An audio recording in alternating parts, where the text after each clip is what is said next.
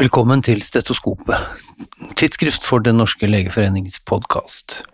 Hver annen uke med Caroline Ulvin Johansson og helseaktuelle gjester i studio, og hver annen uke Redaktørens hjørne, der jeg, Are Brean, sjefredaktør i tidsskriftet, gir deg en høyst subjektiv gjennomgang av de nyeste forskningsartiklene, sakene og debattene i de største internasjonale generellmedisinske tidsskriftene.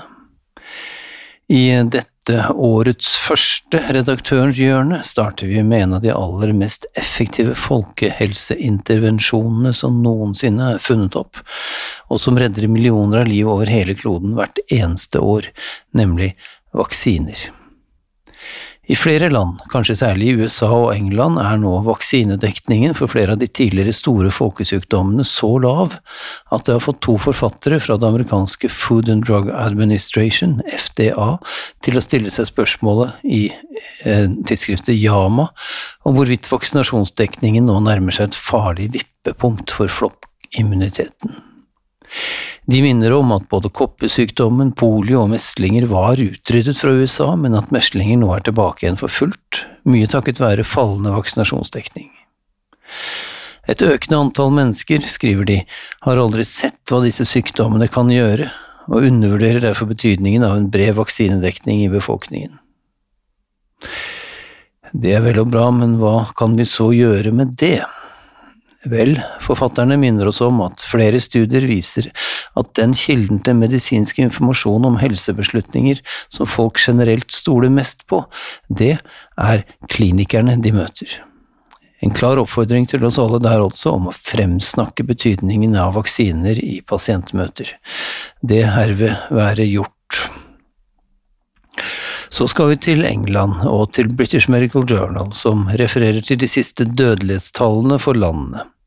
Disse viser at mødredødeligheten i England har steget markant, fra 8,8 per 100 000 fødsler i perioden 2017 til 2019, og opp til hele 13,4 per 100 000 i perioden 2020 til 2022. Faktisk må man helt tilbake til 2003 for å finne en så høy mødredødelighet i England som man har nå. Og den sosiale gradienten er, dessverre som forventet. Det er dobbelt så høy mødredødelighet i de fattigste områdene av landet sammenlignet med de rikeste. Og fortsatt i England er beleggsprosenten i engelske sykehussenger nå høyere enn noensinne. Belegget er nå 90 93,5% langt høyere enn det ønskede beleggnivået på 85% Det viser data fra National Health Service, NHS. I desember ventet over 150 000 pasienter i mer enn tolv timer på diagnostikk og behandling i engelske akuttmottak.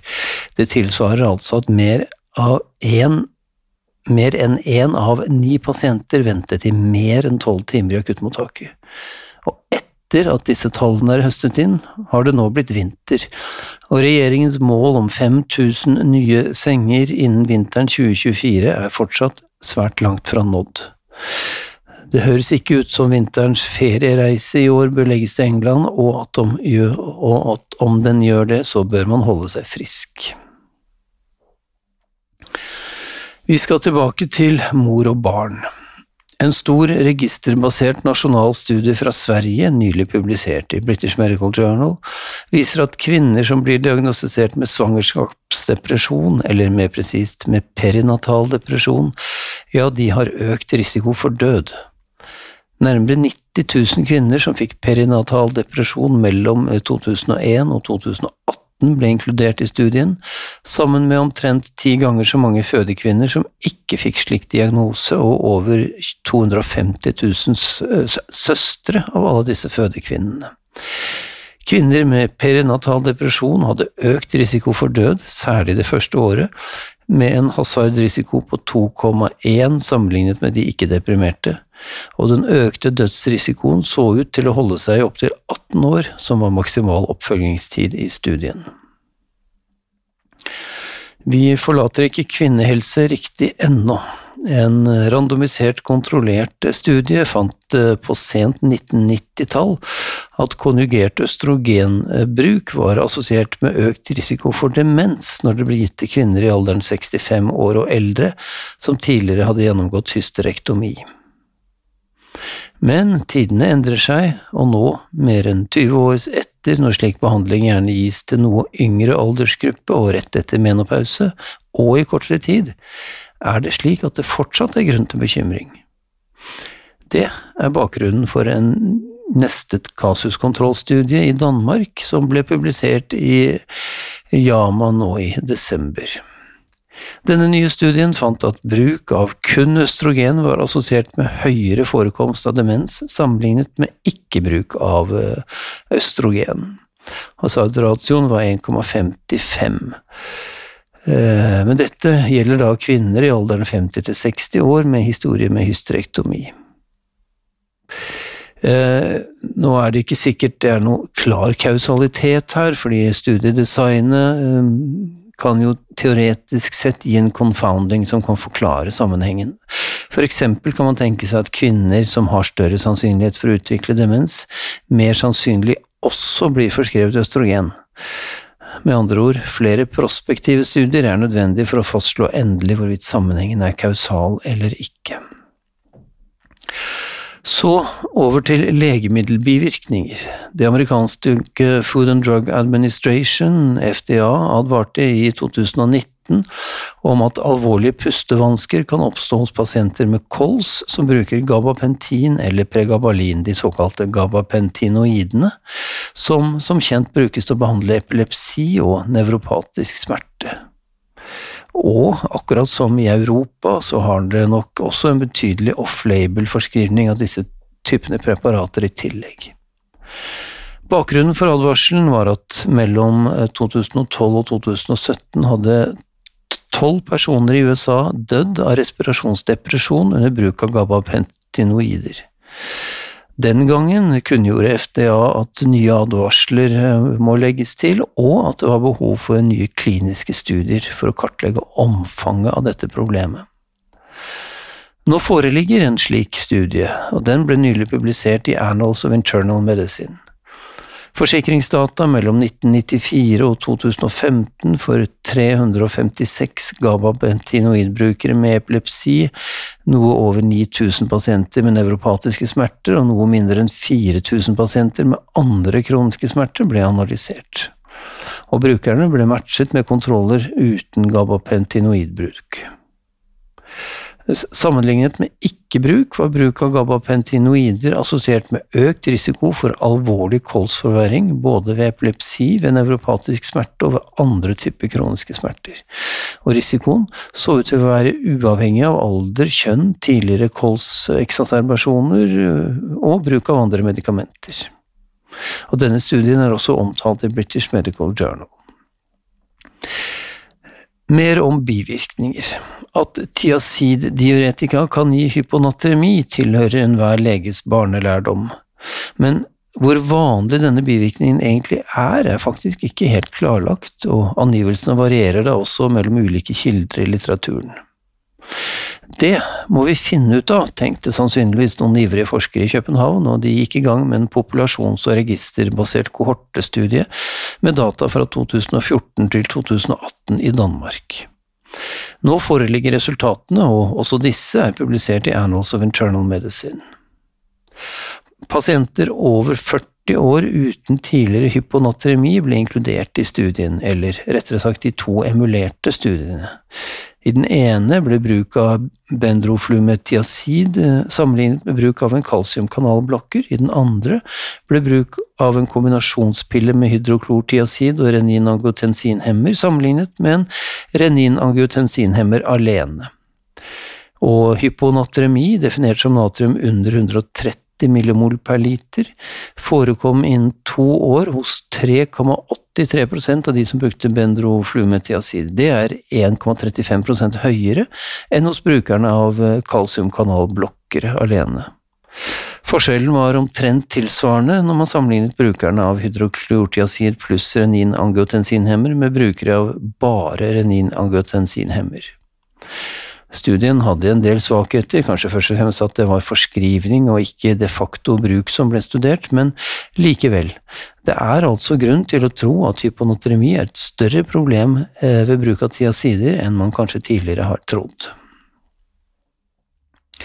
Så over til uprovoserte, generaliserte krampeanfall, et fenomen som er forbløffende vanlig forekommende, egentlig. Omtrent 4% av oss, eller 1 av 25 om du vil, vil ha et slikt provosert anfall i løpet av livet. Men hvor stor er da sjansen for å få et nytt slik anfall hvis du først har, har, har hatt ett? Det er viktig av flere grunner, eh, både med hensyn til hvor lenge man skal ta på førerkortet, og med hensyn til restriksjoner på enkelte aktiviteter, og ikke minst med hensyn til mulig epilepsidiagnose. En systematisk oversiktsartikkel publisert hos Cochrane har sett nærmere på dette. Selve studien ble publisert for nærmere et år siden, men er nå aktualisert av en omtale i British Medical Journal. 46 originalstudier av både voksne og barn ble inkludert i analysen, eh, som konkluderte med at etter ett uprovosert generalisert krampeanfall vil 27% få et nytt anfall i løpet av de første seks månedene. 36% vil få et nytt anfall det første året, og hele 43% vil få et nytt anfall i løpet av de to første årene etter det første uprovoserte. Og barn ser ut til å ha litt høyere sjanser for å få et nytt anfall enn voksne. Med andre ord, risikoen for å få nytt anfall var høyest de første seks månedene, men risikoen forble forhøyet i minst to år, og sannsynligvis også lenger enn det. Så skal det handle om drikkevaner. Nei, ikke alkohol, men noe uskyldigere enn det, nemlig 100% fruktjuice. Et sunt og godt produkt, men vent nå litt. Den inneholder jo en del kalorier, og en ny systematisk oversiktsartikkel og en metaanalyse som nettopp er publisert i Yama Pediatrics, har sett nærmere på sammenhengen mellom inntak av fruktjus og vektoppgang hos både barn og voksne. 42 originalstudier ble inkludert i denne metaanalysen og oversiktsartikkelen. 17 av dem var eh, med barn og 25 med voksne deltakere og konklusjonen er at inntak av én daglig porsjon fruktjus er assosiert med vektoppgang hos barn. Og hos voksne tyder kohortestudiene som ble inkludert, på at effektene på vektoppgang først og fremst er mediert gjennom at totalt kaloriinntak øker når man drikker 100 fruktjus. Eh, seks om dagen er altså vel og bra, men ikke dersom det er seks glass fruktjus. Men hva skal man drikke da? Vel, i alle fall ikke energidrikk. Det viser en studie nylig publisert i tidsskriftet Public Health og omtalt i British Medical Journal. Studien er en systematisk oversiktsartikkel som inkluderte 57 originale studier av bruk av energidrikk hos barn og unge. Studien omfattet til sammen data fra mer enn 1,2 millioner barn og unge fra 21 ulike land. Mange studier viste sterk positiv sammenheng mellom bruk av energidrikk og røyking, alkoholforbruk, overstadig drikking og bruk av andre stoffer. Og sensasjonssøkende og kriminell atferd var på samme måte også positivt assosiert med bruk av energidrikk. Det samme var kort søvnvarighet, dårlig søvnkvalitet og dårlige skoleprestasjoner. Og som ikke dette var nok, var bruk av energidrikk også assosiert med økt risiko for selvmord, psykiske plager, hyperaktivitetsforhold spiseforstyrrelser, allergier, insulinresistens og tannråte. Og da er det vel ikke annet å si enn det åpenbare drikk vann. Til sist i dag en nyhet som vil kunne ha store konsekvenser for legeyrket i årene som kommer. Google har nå testet sin splitter nye chatbot som er spesialisert på diagnostiske samtaler. Dette er en stor språkmodell basert på kunstig intelligens, og som bærer navnet AMI, AMIE. Det er et akronym for Articulate Medical Intelligence Explorer. Og AMI er, kanskje ominøst nok, femininformen av ordet venn på fransk.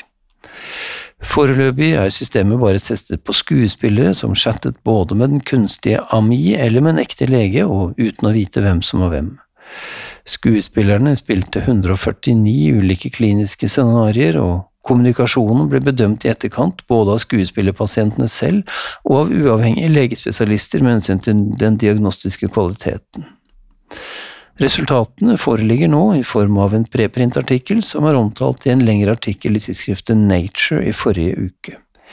Skremmende nok, eller kanskje betryggende nok, bedømte skuespillerne i rollen som pasient chatboten Ami som både dyktigere og mer empatisk i kommunikasjonen enn de ekte legene.